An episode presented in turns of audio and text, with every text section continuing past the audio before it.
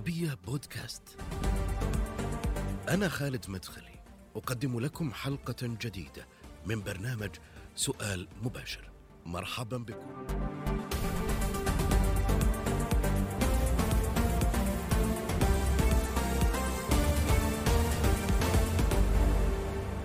بين المسرح والدراما والتقديم تجده حتى أصبح اسما لامعا ورقما صعبا في الساحة الفح- الفنية العربية وأحد أبرز نجومها منذ سنوات وحتى الآن. البعض يصفه بأنه إمبراطور الدراما السورية لمساهمته في تفوقها عربيا وانتشارها بشكل كبير. مسيرته مرت بمحطات سعيدة وحزينة. عاش معها تفاصيلها التي شكلت شخصيته الفنية. وبعضها كما يرى البعض أبعدته عن حبه للفن لكنه ظل صامدا. الفنان السوري المعروف أيمن زيدان في سؤال مباشر. أستاذ أيمن أهلا وسهلا بك معي في سؤال مباشر على شاشة العربية. أهلا وسهلا وشكرا على هذا المدخل الذي أرجو أن نكون نستحقه إن شاء الله. تستحق سيدي. خليني أولا أسألك عن صحتك يعني. طمنا على صحتك أولا. يعني أنت ظهرت في أحد البوستات بملامح متعبة. وخسرت الكثير من الوزن. زي ما نشوف الحين يعني. فإن شاء الله أنه الأمور تمام ما في أي إشكاليات صحتك آه، طيبة. لا لا الحمد لله، لا الحمد لله، لا الحمد لله. هو هو عمل جراحي بنعمل لتخفيف الوزن اللي هو تحويل المسار. إيه. لأنه الوزن بعد مرحلة عمرية يصبح عبء فتخلص منه فقط. وهو بيترك شوي بيرمي بعض الشحوب و... ويمكن هذه الخسارة للوزن هي اللي أقلقت وأثارت تساؤلات ال- الأعزاء المشاهدين. لكن لا الحمد لله أنا صحيا يعني الحمد لله لا أعاني من أي شيء ولا يتعدى الأمر هذا الموضوع صديقي. يسعدنا. أه أبدأ في في يعني منشور تقول فيه بعد جهد التقيته وسألته عن سر هذا الغياب بكثير من الصرامة والشجوب أو الشحوب أجابني. ضاق الوطن يا صديقي فأرغمت أن أكون اسيرا لأمتار قليلة من وطن كان يوما فسيح الأرجاء ودون وداع غادرت بخطوات من صقيع. هل كنت اسيرا آه، وغادرت آه، وضاق بك الوطن؟ ولم يضيق يعني هو آه، أنا من الذين بقيوا ولم يغادروا. أنا من الذين بقوا. غادرت لمدة آه، سبعة أشهر نتيجة آه، ظرف شخصي عام 2012 وعدت آه، مع مطلع 2013 لكن آه، ما مر به الوطن لا شك أنه هو موجع. آثاره موغلة في الألم. عندما يمر وطن تعشقه تحبه بهكذا امتحان عسير. لا مجال الآن للخوض بأسبابها إنما أنا أحكي الآن عن تداعياتها بعد عشر سنوات من أقصى السنوات التي يمكن أن تمر بها الأوطان. أكيد رح يترك بداخلك ندوب غائرة. أكيد رح يرمي على روحك غلالة من الحزن. وأن تشعر بأن هذا الوطن الذي كان يوما ما شابا لماذا تحول من وطن ياسمين في هذه السنوات إلى وطن رصاص؟ أسئلة كثيرة أصابت جيلنا. أفجعتنا آلمتنا أوجعتنا. لكننا حاولنا دائما أن نستمر أن ندافع أن يعني آه، نحفز أرواحنا من أجل الاستمرار لأنه مسؤولياتنا كعاملين في الشأن العام هي مسؤوليات كبيرة. هذه هي الارتدادات الرئيسية اللي مرينا فيها في هذه السنوات الصعبة واللي لا أخفيك يعني ولا أخفي على الأخوة المشاهدين أنها تركت في قلبي حقيقة ندوب غائرة يعني وموجعة ندوب آه، يعني إلى حد اليأس كما يرى البعض أم إنه في مجال للأمل والتفاؤل؟ لأنه أنت يعني يمكن أحد المهتمين والمنخرطين في السياسة نعم. من أيام السبعينات في سوريا. وكان عندكم أمل وحلم زي ما قلت في ذيك الفترة أو ما بعدها. آه على انه القادم أفضل لكن الواقع بعد ذلك كان عكس ذلك تماما. صحيح صحيح. يعني أنت بتعرف يا صديقي العزيز أن الخارطة السياسية والخارطة المجتمعية للمنطقة أصابها تغيرات آه، كانت صادمة. أنا لم أصل مرحلة اليأس. هناك فرق بين كيف تقرأ الواقع كيف تقرأه آه ولا بد من التمايز بين اليأس والإحباط. اليأس من أعلى وأوضح عناوينه هو عدم الإنجاز. لا أنا خلال سنوات الحرب أستطيع أن أقول لك أن كان أن إنجازي كان كثيفا جدا سواء في السينما أو في الأدب أو في المسرح وكنت أقلهم في التلفزيون. لم أنجز سوى ثلاث مسلسلات عبر عشر سنوات. لكن نحن بالحالة الثقافية العامة للأسف هلأ أصبحت الدراما التلفزيونية هي مرجعية حضورك. يعني عندما تغيب عن الدراما التلفزيونية يفتقدك الناس يبدو لأنها أكثر الوسائل تأثيرا وشيوعا وانتشارا. بس أنا خلال هي السنوات أنجزت حوالي ثمان أفلام روائية خمسة منها كممثل وثلاث منها كمخرج. أي. وأنجزت حوالي ثمان مسرحيات أيضا وخمس مجموعات آه، أدبية بين القصة وبين السيرة الذاتية. لا أنا عبرت عما أصابني آه، من هذه الحرب كل هذه الآلام. أنا رميتها على أوراق أحيانا أو على شريط سينمائي. حاولت أن أقول ما أحسست به حاولت أن أوثق ما مررنا به لأنه بعتبر واحد من أردواننا الرئيسية أن نكون. موثقين بلحظة من اللحظات لهذه الذاكرة. آه كي عندما تأتي الأجيال تعرف عبر عمل فني وليس صحيح. عبر قراءات سياسية اصطفافية. عبر عمل فني على مسافة واحدة من الأشياء يمكن لها أن تقرأ آه إحساس الناس في تلك المرحلة. يعني في المجال الذي نهتم به عملت آه، بهذا الحيز طويلا وبالتالي هذا سبب لي غياب عن الدراما التلفزيونية سنوات طويلة. كان في شعور بقليل من ما بدي اسميه اليأس من الإحباط لكن لم يصل حدود عدم الإنجاز. يعني ضلينا عم نشتغل وتعرضنا أيضا جيلنا من الفنانين لبعض العسف. طيب خلينا نرجع للسنة الماضية لمسلسل كندوش آه آه اثنين. آه البعض اعتبروا بأنه نعم. آه كان عمل استطعتم فيه تجاوز الأخطاء. آه وإنقاذ هذا المسلسل بعد الكندوش واحد. أنت أستاذ أيمن زيدان بطل هذا المسلسل هل تتفق مع هذا الطرح وهذا الرأي؟ يعني هو دائما بصراحة الجزء الأول آه، ربما أحس الناس في مشكلة بالتواصل معه آه، من حيث آه، السرد الحكائي من حيث عناصر التشويق. لكن بحب أقول لك سواء بالجزء الأول أو الجزء الثاني كل ما قيل عنه هو لا يخرج عن حدود الانطباع صديقي. ليس هناك قراءة نقدية بالمعنى اللي بيستفيد منها الفنان. لكن الكندوش أنا لا أخفيك كان يجب أن نراه موشوريا الأمر. لأن بمعنى أنه هو في صيغة إنتاجية غير مسبوقة عالية المستوى. فيها جهد بصري من المخرج بذله حقيقة ملفت. في مجموعة من يعني مجموعة من خيرة أو قسم من خيرة ممثلي سوريا كان الأداء فيه متوازن أداء آه، في رغبة حقيقية نحن عملناه بشغف. هلأ الناس لم تجد فيه على المستوى الحكائي والسردي واجهت بعض المشاكل. بالتالي كان هناك مكاشفة صريحة. تم تدارك الأمر في الجزء الثاني من الكندوش وتم تجاوز كل ما كان فاترا بين المسلسل وبين المتفرج.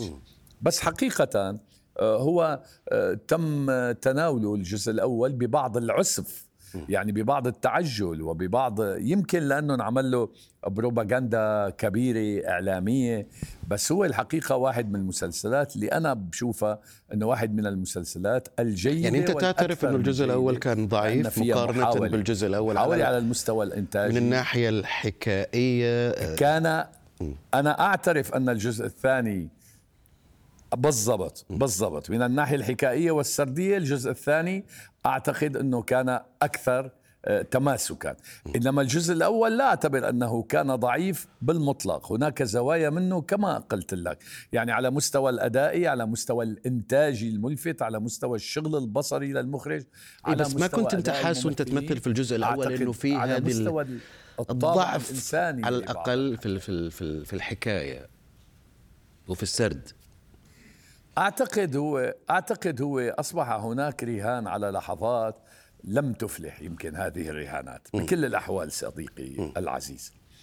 العمل الفني لا يخرج من أطر المغامرة دائما. لو كان أي واحد فينا لديه وصفة محددة لصناعة مسلسل ناجح بالمطلق لتحولنا جميعا إلى منتجين.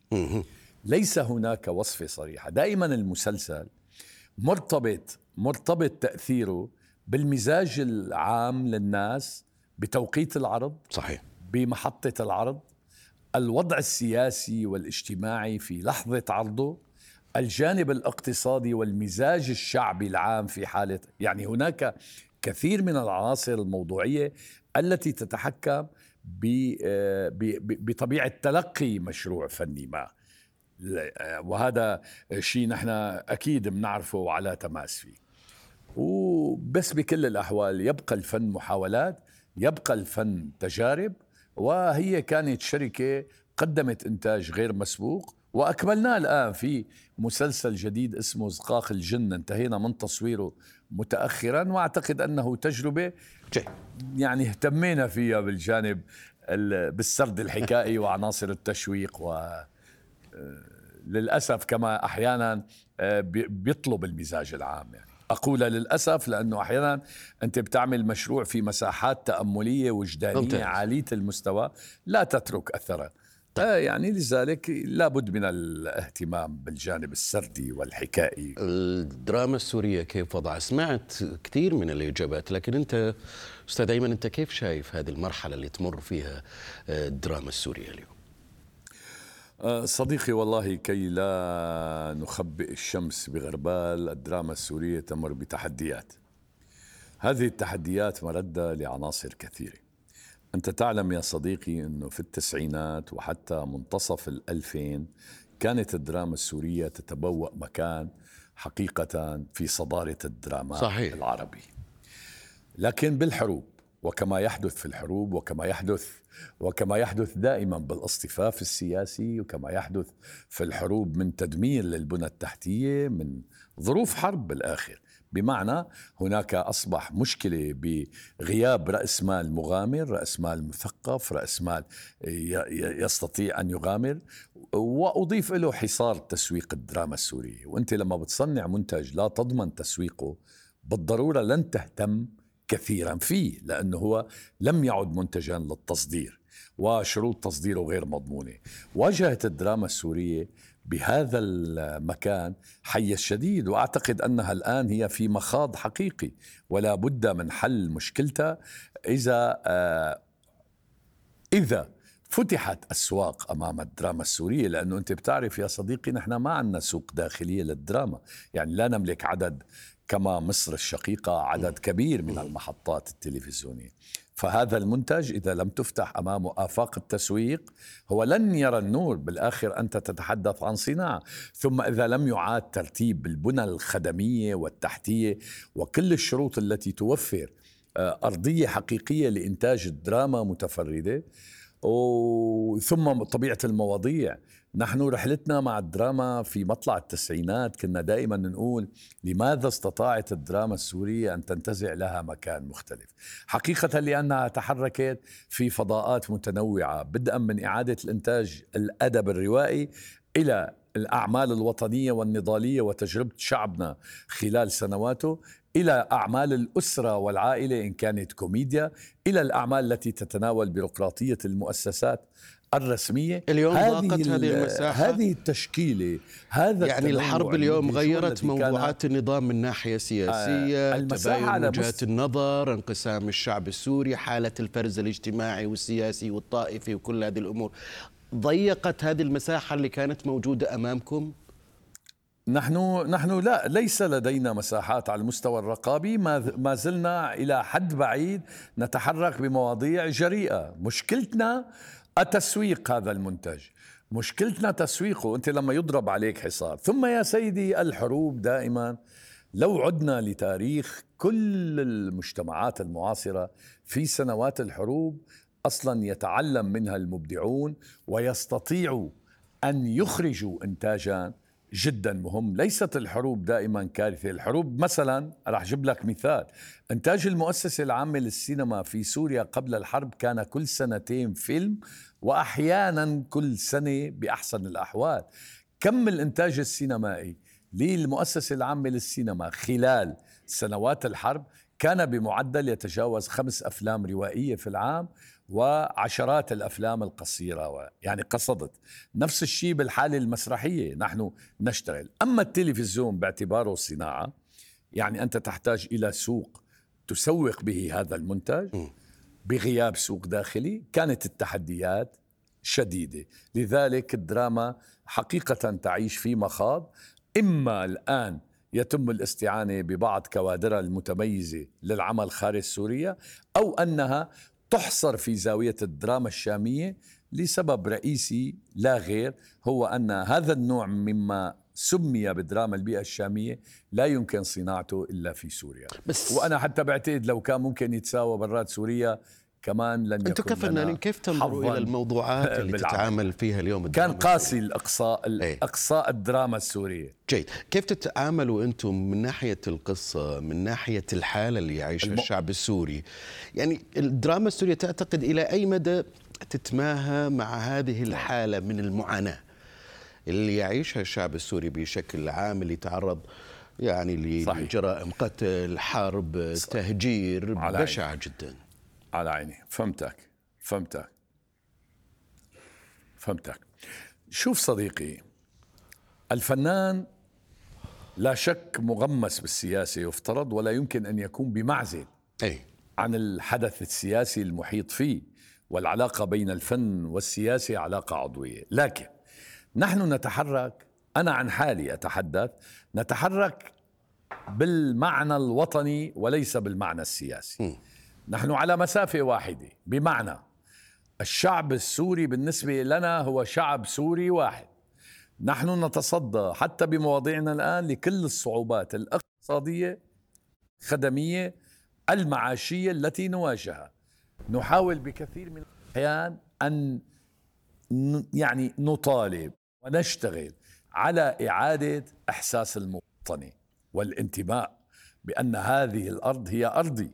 وأن هذا الوطن عندما يحترق هو بيتي. م. نحن خرجنا بقول لك إياها بصراحة أنا عن حالي خرجنا خارج الاصطفاف السياسي المحموم الذي آه، دفع ثمنه الجميع. في الحروب لا أحد ينتصر. صحيح. لا أحد ينتصر. في الحروب إذا فكرنا فكلنا مهزومون في أي حرب في الدنيا.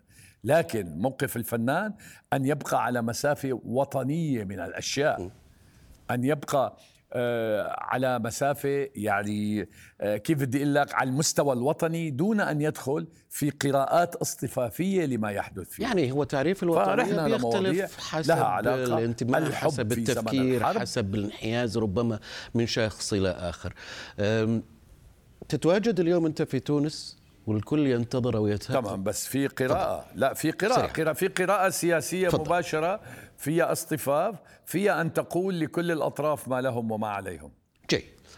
أنت في تونس اليوم في مرحلة من بالآخر هذا وطننا. طيب. يعني هو وطن الجميع بالفعل نعم. سوريا يعني ولا أحد ابدا هو سعيد بما وصلت إليه الحال في في في في نعم. سوريا آه، آه، في أي مرحلة اليوم وصلتم من مسلسل معاوية لأنه الكل يترقب هذا المسلسل آه، ستعود إلى الإم بي سي يعني الفترة اللي تكلمت أنه كنت غايب عنها من عشرين سنة اليوم تعود إلى شاشتها من خلال مسلسل يترقب الجميع يعني وفي توقيت له حساسية وله دلالات كذلك من الناحية السياسية وغيرها يعني بهذه الشخصية. صحيح صحيح. نعم. أنا وصلت آه، تقريبا منذ أسبوع فقط إلى تونس وصورت بعضا من مشاهدي الأولى. أنا أؤدي شخصية آه، عثمان بن عفان. وهي أيضا شخصية إشكالية أنت تعلم في مرحلة إشكالية. هي يعني تواجدها خلال آه، ما سمي زمن الفتنة. كما رأيت حتى خلال هذا الأسبوع كي أكون صادقا. أي. رأيت أننا أمام أنا رأيت نفسي أمام مشروع طموح جدا. فيه إمكانيات هائلة على المستوى البصري والإنتاجي حقيقة. في حشد كبير من ممثلين من آه، دول عربية مختلفة. في شغف وفي محاولة حقيقية لتقديم اقتراح لدراما تاريخية مخت... يعني مختلفة. تقارب أحيانا ما يحدث في بعض الدول المتطورة في هذا المجال. هذه للإنصاف وللحقيقة. أما فيما يخص الإشكالية السياسية للشخصية والمستوى آه، أنا دائما عندي لما عودا على بدء لما كنت أحكي عن القراءة الوطنية وتمايزها عن القراءة السياسية. أنا لا أحكي نظريا أنا أحكي عن نقطة. أنت كرجل عندما تقرأ وطنيا تبحث عما يجمعك مع الآخر وليس مع آه، تبحث عما يعمق الخلاف بينك وبين الآخر. فنحن حتى في معاوية واضح أن طريقة السرد النصي هي تبحث عما يجمعنا معا ليست الغاية منه لا إيغال يعني وتعميق إيه بس أنت كيف شايفها؟ أنت قرأته يمكن هذا. مذهبية ولا إطلاقا. وقرأت عن شخصية معاوية وعن الحالة اللي إيه. كانت فيها وتعرف الروايات من, من كل طرف تختلف. إيه فهل الناس الآن هل سيكون بحجم صحيح. الانتظار أكيد. من دراما تاريخية يعني عصية على الكثيرين؟ هل سيكون آه، وفي أيضا القراءة أو النص وفي للتاريخ أم لا؟ وجهة نظرك أنت كيف نعم. صحيح إذا كان كل واحد منا ينتظر أن يرى قراءته فهنا تبدأ المشكلة تمام؟ آه. يعني إذا كنا بدنا نتفرج كمشاهدين على أي مشروع تاريخي إيه. إذا كل واحد ينتظر القراءة التي هو يقتنع بها هيك لدينا مشكلة إيه. لأنه عنا قراءات آه، مفتوحة ومتعددة تكاد لا تنتهي أنا المشروع لفت انتباهي بنقطة رئيسية في زمن صعب كهذا لا إن إلقاء الضوء على شخصية سياسية أسست دولة ومن ثم إمبراطورية إسلامية. هذا الرجل الذي استطاع أن يصنع دولة مواجها كل التحديات هذه الدولة تحولت إلى دولة عظيمة غزت العالم لاحقا. فأعتقد ما يعنيني أنا شخصيا من معاوية كيف يمكن أن نقدم بورتري أو حكاية رجل استطاع أن يصنع دولة. أعتقد هذه تجربة مفيدة وكل آه، الحق معنا أن نلقي الضوء عليها. هلأ خارج هذا الأمر آه، الإجابات لا تنتهي يا صديقي. لا تنتهي. وأنا شخصيا أرى أن المشروع هو يسير نحو هذا الأمر أنه هو يتناول قصة حياة رجل استطاع أن يؤسس لدولة ثم تحولت هذه الدولة إلى إمبراطورية عظيمة قدمت للعالم الكثير والكثير. كنا فيما مضى آه، آخر سؤال هذا ما يعنينا من الامر. اما اذا دخلنا بحيثيات أي. نعم أه تسمح لي واعتذر لمقاطعتك. تقول كنا فيما مضى أه نسافر لنشتري بيتا الآن فضل. صرنا نبيع بيتنا لنسافر. الناس قلقت عليك قالت إنه أيمن زيدان أفلس وباع بيته وحيهاجر أو بيسافر بهذا السبب. والناس حتى ما عاد تعرف أيمن زيدان لأنه صار صار حزين يعني. لا لا لا حتى لا. الضحكة ما عاد هي موجودة. فهل هي لها علاقة كمان الحزن بالحرب ولا بالسمنة والوزن اللي خسرته يعني؟ طيب سيدي هيا أيوه صديقي إيه. كاتب في البداية أحدهم كاتب بالبداية تبع البوست أحدهم همس لي إيه؟ أنا الحقيقة كنت قاعد مع مجموعة أصدقاء إيه؟ في رجل مكافح اشتغل في السعودية سنوات طويلة قال لي بتعرف أستاذ من زمان كنا نسافر لنجي نشتري بيت هلأ هو بعد ما اشترى البيت نتيجة الضاق الضيق والهي قرر ان صرنا نبيع بيتنا لنسافر هذا لا يعنيني أنا أي. أنا قلت همس لي أحدهم. حقيقة استوقفني وحزنت عليه. فهمتني؟ أما الناس يسقطوا ما تكتبه. ما تكتبه. يعني حتى لما بت... بت... أنت تنشر آه، مقطوعة ترى فيها شيء أدبي يشبه القصة القصيرة جدا يعتبرون أنك تتحدث عن نفسك. أنا لم أفلس. أصلا آه، قبل في شرط قبل الإفلاس معروف بالحياة أن يكون الواحد غني جدا م. فالشرط الأول أنا لم أكن فيه يوما فبالتالي هذا مفهوم الإفلاس أنا أنا لم أفلس أعيش حياتي لم أفلس اطلاقا ولم ابع بيتي ولا أستطيع أن أغادر ولن أغادر ولا أف... لا أستطيع أن أغادر طوعا أي. أنا رجل جذوري م... جيلنا كله هو مرتبط عميقا في هذه الأرض هذا الوطن لنا لن نتركه. وسنظل فيه منواجه تحديات نتوتر. آه، يمكن أحيانا نختلف على بعض الأشياء نصطدم لكن هو بالآخر نتحرك في الفضاء الذي فيه ذكرياتنا وفيه بيوم من الأيام أحلامنا وحتى اللي فيه خيباتنا وانكساراتنا. وسنظل هذه جغرافيا لها في روحنا. أنت بتمشي في دمشق على شارع عمره عشرة آلاف سنة. صحيح، صحيح. عشرة آلاف سنة. سبقتك على هذا الشارع خطوات كثير من الأحبة ومن الأجداد ومن العظام ومن الموجوعين ومن البسطاء. هذا مكاني وهذا وطني وأنا بقيت بهذا المفهوم.